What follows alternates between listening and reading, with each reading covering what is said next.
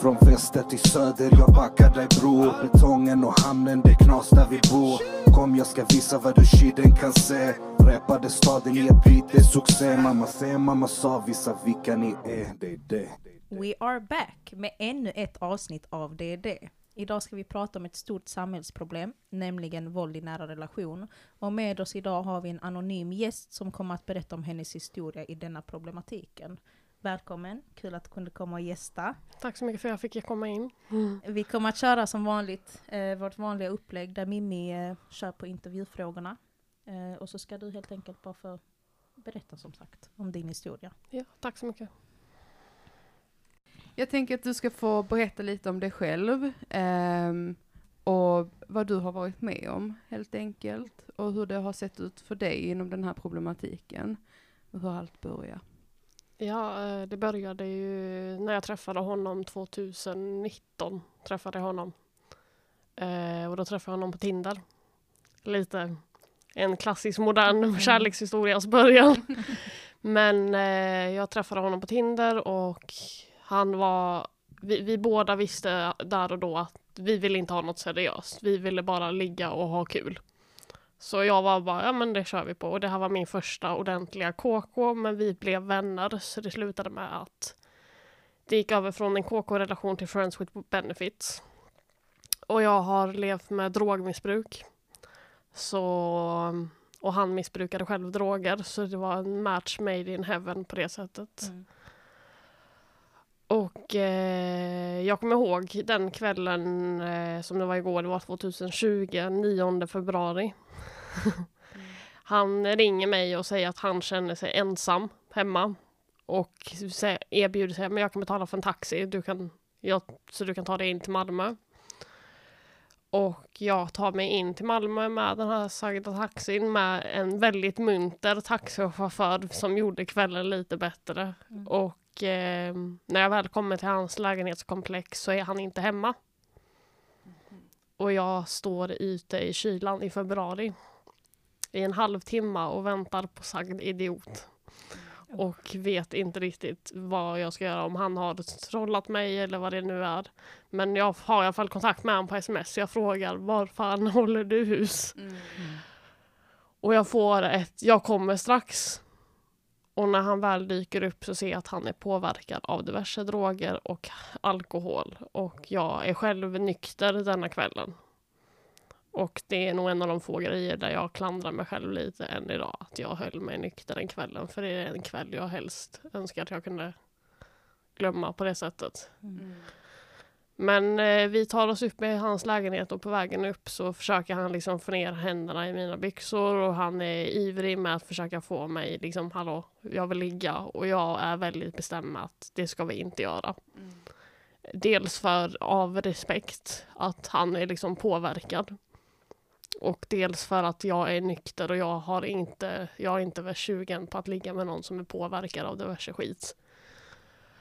Så men eh, med många om och men så lyckas vi ta oss upp i hans lägenhet och jag lyckas få han att lägga sig i sängen och sen hämtar jag ett glas vatten och en hink för jag vet att morgonen efter kommer bli förjävlig och jag tänker att jag stannar natten för att så, så jag ser till att han mår bra. Mm. Det var nog det dummaste beslutet jag gjort i hela mitt liv. För att eh, han drar mig ner på sängen så fort jag har kommit tillbaka med glaset, vatt- vattenglaset. Och eh, han börjar försöka få av mig mina kläder och jag är rätt bestämd i mina rörelser och i början har jag ett övertag på grund av att han är påverkad och han inte riktigt har hand-ögonkoordination så det visslar om det. Mm.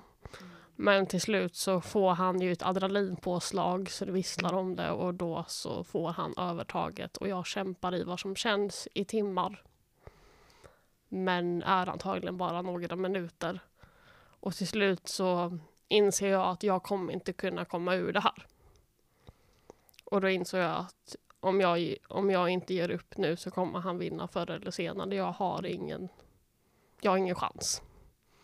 Och där och då så gör jag ett av de största besluten i mitt liv att ge upp. Mm. Och det är det som är nära döden upplevelse. Många säger det livet passerar framför ögonen på en innan man ja, men när man är i livsfara och det stämmer. Man, det är verkligen, livet passerar framför ögonen på en. Man är ju hjälplös i en sån situation. Mm. Ja, och det är det som gör den så obehaglig att bara vara tvungen att ge upp Mm. i en sån situation. Det förstör en del av vem man är. Det förstör en del respekt för, man har för sig själv. Mm. Mm. Jag tror att jag har ju inte funnit tillbaka den respekten än. Och Det hände ju rätt nyligen också, som vi Ja. pratade innan vi kom in. här. Ja, eh, det hände ju i februari i fjol. Mm. Så det har inte alls gått lång tid som man har kunnat bearbeta det på Nej, heller. Och som jag sa förut, jag tycker det är jävligt starkt av dig att komma hit och berätta din historia så tätt inpå också. Ja, tack så jättemycket. Men att man förstår vikten i, alltså hur, hur viktigt det egentligen är att lyfta sådana här ämnen Mm. i sig. Ehm, jag tänkte på att uh, alltså er, er relation därifrån tänker jag mycket på nu i, i efterhand. Vad, vad hände därefter? Jag blockade han överallt. Mm. Ingen kontakt överhuvudtaget? Nej. Och sen så efteråt så skrev jag till honom tre veckor senare. Och, och konfronterade honom. Mm. Och sa att hur kan du leva med dig själv och hur fan vågar du göra det här mot mig och jag litade på dig och så här. Och han svarar, vad snackar du om? Ja, han hade ingen aning. Nej, han hade inget minne kvar av händelsen. Ja, fy fan. Fy Mm. fan, tänkte jag förstöra någons liv och sen så bara inte Men jag inte tror inte på det. honom. Nej. Nej. För det är någonting du inte glömmer, Nej. känner jag. Nej, men eh, efter jag hade gett upp då så var det liksom det var en snabb affär om vi säger så. Mm. Han hade adrenalinpåslag och det var liksom bara med några få gick så var han klar och han kommer över mig så han har i alla fall respekten att inte komma i mig. Mm. Jag brukar skoja med att jag, jag hanterar ofta jobbiga grejer genom att skämta om dem och då brukar jag skämta om att han gav mig i alla fall inte hans ungjävel. Mm. Bara för att det hade i alla fall varit lite värre. Det hade varit lite över gränsen om man säger så. Ja. Men händelsen efteråt, jag... ehm, det var då, det var, där var mitt förfall. Om vi säger så. Där nådde jag botten efteråt. Eh, men jag försökte bli ren från droger för det fick mig att inse att droger är inget annat än det förstör för folk. Mm. Så jag gjorde, bestämde mig för att eh, bli ren och kämpa vidare. Men det gick till ungefär i slutet av april Mm. så det blev det för mycket helt enkelt. Jag hade betett mig som ett svin mot min mamma och hennes pojkvän. Och eh, jag var rent av ett jävla rövhål mot dem. Och eh, jag kommer inte ihåg händelsen värst mycket. Det enda jag kommer ihåg är att jag hade blivit våldtagen. Det visste jag att jag hade blivit men jag hade inte anmält det. Och nu hade det gått flera månader efter händelsen liksom. Och jag har fortfarande inte anmält den. Mm. Och till slut så kommer jag hem en kväll efter jag har Vi har bråkat hela veckan och jag kommer hem en kväll. Och min mamma kallar mig in i hennes sovrum och hon frågar vad är det som händer med dig? Och jag frå- frågar henne, vill veta ärligt nu hur jag mår? Och hon bara, men det är väl klart jag vill alltid veta ärligt hur du mår. Och då sa jag att jag vill dö. Varenda vaken stund så vill jag dö. Jag vill inte leva längre, sa jag. Så hon skjutsade in mig på, efter många om och men så skjutsade hon in mig på psykiatrin i Lund. Där jag blir inlagd efter att sitta tre timmar i väntrummet. Och där och då måste jag berätta att jag blivit våldtagen för att för de ska förstå att varför jag vill bli inlagd och varför jag mår dåligt. Och jag är inne där i två veckor på mottagningen innan jag drömmer om våldtäkten för första gången, men absolut inte den sista gången. Och jag drömmer om den i detalj. Och då kommer jag ihåg vem det är som har gjort det. Jag kommer ihåg allting. Och jag blir helt hysterisk. Så jag går ut till personalen och är helt hysterisk och skriker jag behöver en telefon. Och det här var på två, tre på natten. Och skriker jag behöver en telefon, ge mig en telefon. För jag vill inte ringa på min egen mobil. För jag vill inte smutsa ner den med hans jävla fucking handlingar. Och så får jag en telefon så jag ringer 114 14 och det första jag säger är jag vill anmäla en våldtäkt. Och det var där jag där och då jag insåg att han kommer inte förlora. Jag sa det till mig själv, han kommer aldrig förlora, han kommer aldrig vinna. Ja. Väldigt starkt av dig tänker jag att, eh, att våga anmäla. Det är, inte, det är inte många som gör det tyvärr. Det är ju tyvärr det största problemet med Mm. det här våld i nära relationer. Det är rädslan. Ja, Mm. verkligen. Det är ju mycket, utifrån vad man har hört, är det mycket skam som går runt i kroppen. Du vet, man, man skyller på sig själv. Är det, är det mitt fel? Vad Mm. Förtjänade jag detta här? Och sen som sagt, som ni säger, rädslan i sig att faktiskt våga ta itu med det och faktiskt du vet, uppge namn och Mm. uppge hela händelsen i sig. Både för att för nära, alltså familj och vänner och så vidare, att faktiskt du vet, uttala sig med det. det. Det blir en helt annan verklighet än när man själv har det i huvudet. Mm, precis. Precis. Nej men jag har känner skam än idag. Ja.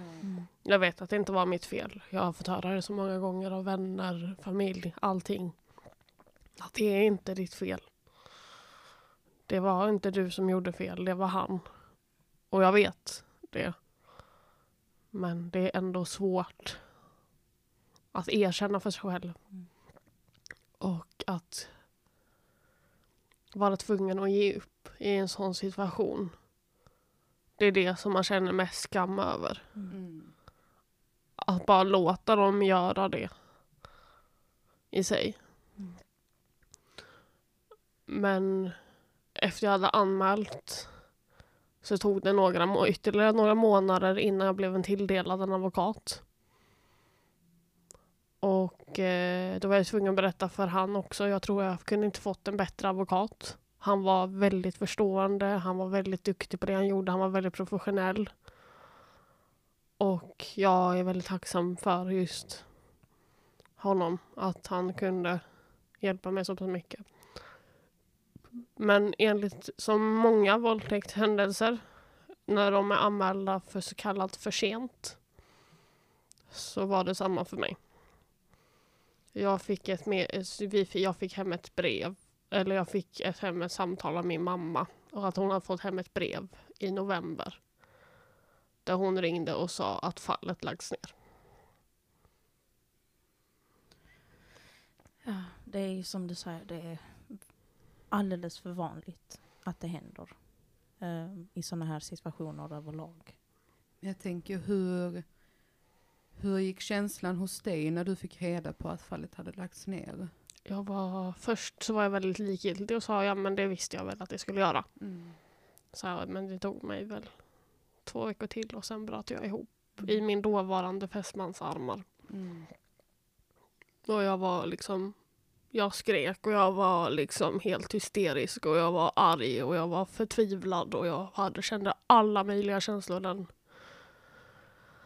Att liksom få veta att den det jävla svinet går än idag fri. Mm. Visst, han har, på, han har ett på sitt register att han har blivit anmäld för något. Men aldrig, liksom, det har aldrig gått igenom. Och då är det väl typ så här två, tre år det sitter där. Så att om han gör det här igen då vet jag i alla fall att det kan styrka och då kan det hjälpa den tjejen också. Mm. Usch, ja, jag tycker det är så fruktansvärt Ja, hur, verkligen. hur det kan läggas ner ehm, Och bara då, för att det liksom är, har gått för lång tid. nej, det var inte därför. Det var brist på bevis. Aha, okej. Ja. Det, vilket i klarspråk betyder de hittade inte hans DNA på mig. Mm. Och då är det hans ord emot mitt. Ja. Mm. Och då, har- ja, som sagt, man har ju inget bevis. Så det är, Nej. alltså, för det har ju hänt ett, ett fåtal gånger eh, där det har blivit liksom ord mot ord. Eh, Mm. och sen så är det antingen killen eller tjejen som inte har talat sanning. Mm. Ehm, och jag tycker att det är så himla synd att det påverkar riktiga fall som nu extremt mycket. När det Mm. blir liksom ord mot ord, att man inte kan, tyvärr, men alltså välja en sida överlag. Ehm, med tanke på att det har varit så upprepade gånger där inget av det stämmer liksom. Mm. Ehm, Och sen är det ju också det att för många, precis som du säger, så tar det ju kanske ett tag innan man faktiskt inser vad som har hänt. mm. Eh, och att det kanske går en tid liksom innan Mm. man vågar anmäla, vissa kanske inte vågar alls. Och det, där blir det också jättesvårt. Mm. Jag, för, jag kan förstå rättssystemet att det är brist på bevis, men samtidigt det är ju jäkligt svårt i den situationen också att direkt efter händelsen Mm. gå och anmäla liksom. Det, det är ju inte många som gör det heller. Det är många som är rädda att bli dömda. Mm. De folk ska tycka de är äckliga. Man känner sig ju äcklig efteråt. Man känner ju sig vidrig. Mm. I alla fall jag gjorde det. Jag kände mig vidrig jag kände mig äcklig och jag har fortfarande svårt att ha intima relationer Mm. på grund av detta. Mm. Men det, det är ju så som, som du säger Mimmi, att eh, det är ju en efterchock. Alltså du vet, man smälter inte det överhuvudtaget och sen så Nej. kommer det verkligen till slut när man, som du säger att du har drömt om det.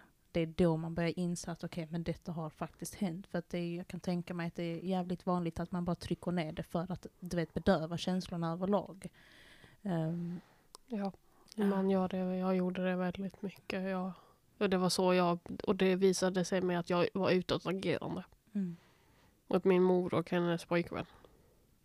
Fick ta den smällen liksom. Ja. Men jag tycker att det var bra att de, att, att din mor alltså förstod att det var någonting som var fel. Mm. ja, hon har alltid känt mig Mm. bättre än jag känner mig själv. Och för det är jag, det är jag väldigt tacksam för i många fall. Mm. Och vissa fall är jag inte tacksam för det, för då kan man inte riktigt... Det är, svår, det, det är svårt att dölja något ifrån min Mm. mor och det är jag tacksam för. Mm. Men hur, eh, du berättade att du eh, var inlagd på psykiatrin. I två och en halv månad blev det. Ja. Eh, hur, hur reagerade de efter att du ringde och anmälde? Fick du något stöd Nej. därifrån? Ingenting? Jag fick inte ett enda litet stöd. Nej. De frågade, är du okej gumman? Och sen så, Var det inget mer med det? Vad känner du att du hade behövt få Ja. för stöd därifrån? jo jag tror att jag hade väl, eh, det jag hade behövt mest är väl antagligen någon som sa att jag kan finnas här och prata med dig. Alltså någon att prata med, någon som kunde hjälpa mig med mitt trauma, någon som men jag har inte fått någon hjälp sedan dess. Jag fick en stödkontakt, kallas det. Mhm. En gång i veckan, då ringer en person som man har blivit tilldelad då. Och så ska de kolla läget, kolla så man är vid liv och bara hej, hur är det med dig idag? Och sen är det inte mer med det. Det var all hjälp jag fick från vården. Mhm. Vilket också är fruktansvärt. Mm. Jag menar, tyvärr är ju detta ett väldigt stort problem vi har i vårt samhälle. Jag menar, nu för inte så länge sedan så var det ju tyvärr fem kvinnor som Mm. dog under loppet av tre veckor på grund av liknande situation. Ehm, och där tycker jag att samhället i sig måste ha liksom bättre stödinsatser, speciellt om man redan är inlagd på, på psykiatrin. Eh, Då borde man ju väl ändå få hjälp kan man tycka. Ja, precis. Verkligen, där borde de ju ha satt in någon liksom samtalskontakt och något sätt att liksom hantera situationen. Och det är också väldigt utsatt när, när man väl ska anmäla. Att man kanske hade behövt ha någon stödkontakt med sig, Mm. typ i början när man pratar med advokat och allt det här. Ehm, och det tycker jag ju är väldigt konstigt och väldigt fruktansvärt att det inte finns bättre stödinsatser där. Verkligen. Men det brukar ju vara så inom vården överlag att man får den hjälpen man behöver när man är på plats. Men sen när man skrivs ut så är det som att allihopa glömmer den. Mm. Utan då är du okej, liksom, då klarar du dig själv. Och det gör man ju inte. Nej. När man sen återgår till sitt normala liv. Att försöka att liksom Mm. anpassa he- hela händelsen och traumat man har fått därefter. Eh, till liksom en dag till dag grej. Det är ju Mm. där det blir stopp. Alltså det, det är liksom käppar i hjulet och det är där jag tror allmänt att allihopa behöver den mesta hjälpen. Precis. Eh, Alltså det är fruktansvärt Ja. att det är så att man bara släpper dem och så tänker man att ja, men nu är det lugnt och sen ringer man en gång i veckan och kollar om, om de lever liksom. Det, Ja. nej, jag vet inte. Men fick du bra stöd och hjälp hemifrån då? Alltså, tänk med din Eh. mamma och så. Min mamma har varit en klippa, det har hon. Jag är evigt tacksam för den kvinnan. Vi har haft våran bråk och vi har under de efter den händelsen, innan den händelsen hade vi några år där vi gled ifrån varandra men det var ju tack vare mitt drogmissbruk. För jag tryckte undan alla som stod mig nära. Mm. Och, men nu idag så kan jag liksom säga att jag älskar min mamma oavsett vad. Och hon har varit en klippa i detta. Och min sys mina systrar har också varit helt fantastiska, särskilt min, den jag står närmast. Men de har bo- min familj har varit väldigt stöttande i det hela. Jag har varit väldigt lyckligt lottad när det kommer till att min familj har funnits där för mig när jag har behövt dem. Det- är bra att du har ett stödsystem runt om dig som du känner att du Ja, jag har haft många på. vänner som har... Jag hade några vänner jag förlorade tack vare det. Mm. Eller så kallade vänner. Men många vänner har väl stöttat mig och så. Alltså jag, jag kan inte förstå det, hur man som vän, när något så livs, livsomvälvande händer, ehm, den man nu kallar för kompis, liksom, hur Mm. man kan försvinna från, från någons liv på det sättet. Och sen så Mm. är det ju bra att det, det är många, i många fall där familjen också sviker, men att du har en familj som du kan vända dig till Mm. och verkligen känna att men här, är- här kan jag vara ärlig, här får jag den stöttningen jag behöver för att kunna bearbeta på detta, alltså på bästa sätt. Gud ja, det är ju alltså det, är ju det viktigaste. Mm. För att ha en bra trygghet runt sig är ju liksom också ett sätt att kunna bearbeta det och komma framåt liksom. Ehm, och det är ju hemskt för de som inte har det. Mm. Och det är där jag tycker att det är väldigt konstigt att vårdenheter inte stöttar upp. För att man behöver ju både hjälp från vården men även alltså privat hemifrån Ja, med kompisar absolut. eller familj. Men speciellt om man nu inte hade haft en familj som hade stått bakom en. Så tycker jag att det är mm, fruktansvärt att höra att vården inte har Nej. gått in och gjort sin del. För speciellt så som du säger att när man är inlagd där om något så ska Mm. man ju få liksom stöttning och den hjälp man behöver. Absolut. Tycker jag. Mm. Och sen så är det ju så inom, inom alla familjer att man har sina upp och nedgångar. Liksom. Eh, Du med drogmissbruket överlag, liksom, men att de ändå är där för en. Konstant, du vet, även när man mår dåligt eller när man mår som bäst och överlag. Att, att du hade någon att vända dig till tror jag nu vet jag inte detta om jag har fel, men det, har, det, det räddar en i många situationer i livet. Det gör det. Det kan jag definitivt säga. Det räddade mig. Jag tänker, om, om det är okej för dig, att jag frågar lite om drogmissbruket överlag. Eh, ja, det är helt okej. Eh, får jag fråga vad det var du missbrukade? Jag var missbrukare jag inte är väl lättare att svara på. ja, men det var väl framförallt det var marijuana och det var heroin Mm. och kokain. Som jag missbrukade. Hur kommer det sig att du kom in på det spåret? Jag ville ha uppmärksamhet. Mm, Det är så jävla enkelt svar men Mm. eh, nej, men jag ville ha uppmärksamhet och sen så gick det för långt och då blev jag det gick så pass långt att jag blev beroende. Mm. När man är i ett sånt missbruk, eh, avgrän, avgränsades du från dina nära och kära? Ja. Alltså hur, hur eskalerade det från början till slut? Det började ju med att man tog på fest och sen så gick det över till att man letade ständigt efter det. Mm. Man ville ha nästa high. Jag var sån som, jag, jag var adrenalinjunkie. Jag ville ha adrenalinet men samtidigt ville jag en, en, ändå inte ha det. Eh, jag, bör, jag började trycka, jag tryckte undan min mamma. Jag tryckte undan mina vänner. De märkte ju någonting var fel men de sa inget för när, jag, när de konfronterade mig om att du har förändrats Mm. så blev jag, jag väldigt aggressiv. Alltså jag blev liksom ursäkta men det hände någonting, hallå? Mm. Man vill ju inte inse det heller. Alltså, Nej. Nej jag trodde jag förstod inte heller. Jag tror inte jag förstod att jag var Mm. så pass beroende som jag var. Men det är normalt också, som vi, som vi snackade om eh, i vårt andra avsnitt under ytan, att man när man väl är i den situationen så inser man inte allvaret i, i situationen. Alltså att man faktiskt är beroende, utan det är enkelt att man blundar för det problemet. Liksom. Jag tror att man ser inte väl att man... Det är svårt att se Mm. som innanstående att jag kan inte jag är inte beroende, jag har inget problem. På grund av att jag kan sluta när jag vill. Mm. Den här klassiska Mm, trots, trotsen med att jag kan sluta när jag vill. Men man kan inte sluta när man vill. Inte när man väl är beroende. Men fick du hjälp från någon Nej. utomstående eller du slutade själv? Alltså Jag har självmant? slutat helt själv. Grattis ja. till det. Ja, Starkt jobbat. Verkligen. Tack så jättemycket. Nej, jag har aldrig fått eh, stöd, jag har aldrig gått i terapi, jag har aldrig gått i rehabilitering, jag har inte gjort någonting utan jag blev ren på egen hand. Det tog en jävla massa viljekraft. Mm. Men jag bestämde mig för att nej, jag ska sluta. Mm.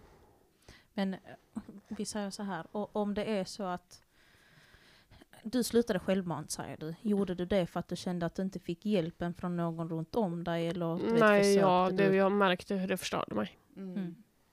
Jag märkte hur det förstörde min kropp. Mm. Jag märkte hur det förstörde mina nära och kära. Utan att de visste liksom om... Jag kan säga att min styvfar, han visste om att jag missbrukade droger. Han försökte säga det här till min mamma, att hon tar droger. Jag känner igen tecknena. Mm. Jag ser tecknena. Hon behöver hjälp. Men min mamma ville väl inte se det. Nej. Men man blundar väldigt enkelt, för som, Ja. speciellt som, som förälder också. Som medberoende också. Ja, Ja. precis. Jag tänker efter allt det här som du har gått igenom, ehm, vilka liksom steg har du tagit så här för förbättring? Jag tänker mycket på drog, alltså att komma ur drogmissbruket är ju ett, men eh, hur, har du några tips till någon annan som, eh, som kanske sitter i den situationen du har varit i? Om man sitter i samma situation som jag satt i, att du tar droger eller du har blivit våldtagen men sitter där i tystnad, anmäl våldtäkten, bli ren, sök till behandlingshem, prata med en vän, prata med en förälder, prata med den eller en vuxen eller någon i din närhet som du vet. Prata med, om du har en bra chef på din arbetsplats, prata med den. För det finns så många som vill hjälpa dig. Mm. Och när man är som i djupast då är det svårt att säga jag behöver hjälp och jag vet att det är svårt men gör det. Mm. För det räddar inte bara andra, det räddar dig. Det är nog bland det svåraste som finns, att be om hjälp. Mm. Faktiskt. Jag har svårt än idag att be om hjälp. Mm. Men för varje gång man ber om hjälp ju starkare blir man. Mm. Ja. Det är det helt rätt. helt Ja. rätt verkligen. Det är ju som du säger att första steget är alltid det svåra. Att inse vilken problematik man har. Att faktiskt våga. Och det är okej Säga om det det tar tid. Mm. Mm. Absolut, man absolut. får bearbeta det i sin egna takt. Ja. Det är det viktigaste Mm. man kan ta med sig. att Låt det ta sin tid. Precis. Jag tänker också på det här, hur, vad väcker det för känslor hos dig eh, när man hör om till exempel som de här fem kvinnorna som dog av våld i re- i nära relation nu för inte så länge sedan. Det gör ont i mig. Mm. Det gör väldigt ont i mig. Jag eh, var väldigt förvånad över att det har blivit så pass stor uppståndelse om jag ska vara ärlig. Mm. Jag trodde inte det. Jag trodde att det skulle vara tyst efter några veckor Mm. men det är fortfarande igång. Mm. Och det ser jag som ett väldigt positivt tecken att vi kanske nu i samhället mogen nog att ta itu med detta. Mm. Men det är väl att jag tycker det viktigaste just nu är väl att vi låter flickornas familj sörja. Ja. Absolut. Att jag förstår att det är viktigt att man tar upp det men låt familjerna sörja för guds skull. Dra inte upp det mer än nödvändigt. För de kommer inte kunna sörja i fred. Man blir ju konstant påmind om det. Men jag kan hålla med dig där att jag är faktiskt också chockad. Tyvärr så är det synd att man säger så. Men jag, jag är också chockad över att det har hållit igång så länge. För det brukar det inte göra. Nu har det blivit ett sånt stort samhällsproblem. Men det har normaliserats något så Mm. fruktansvärt mycket. Det kommer ju ta år innan vi Ja. ens är i närheten av att det ska inte vara normaliserat längre. Mm. Men Precis, och det är ju också nu med corona och sånt så har ju våld i nära relation ökat. Mm. Ehm, inte kanske antalet, men antalet fall som har dykt upp på grund av att nu har folk insett att jag kan inte leva så här. Precis, precis. Och sen även en sån grej med att, eh, jag såg det faktiskt på Instagram, eh, att 163 miljoner gånger Mm. har folk googlat upp hur man på bästa sätt kan skada en kvinna utan att det syns. Ja.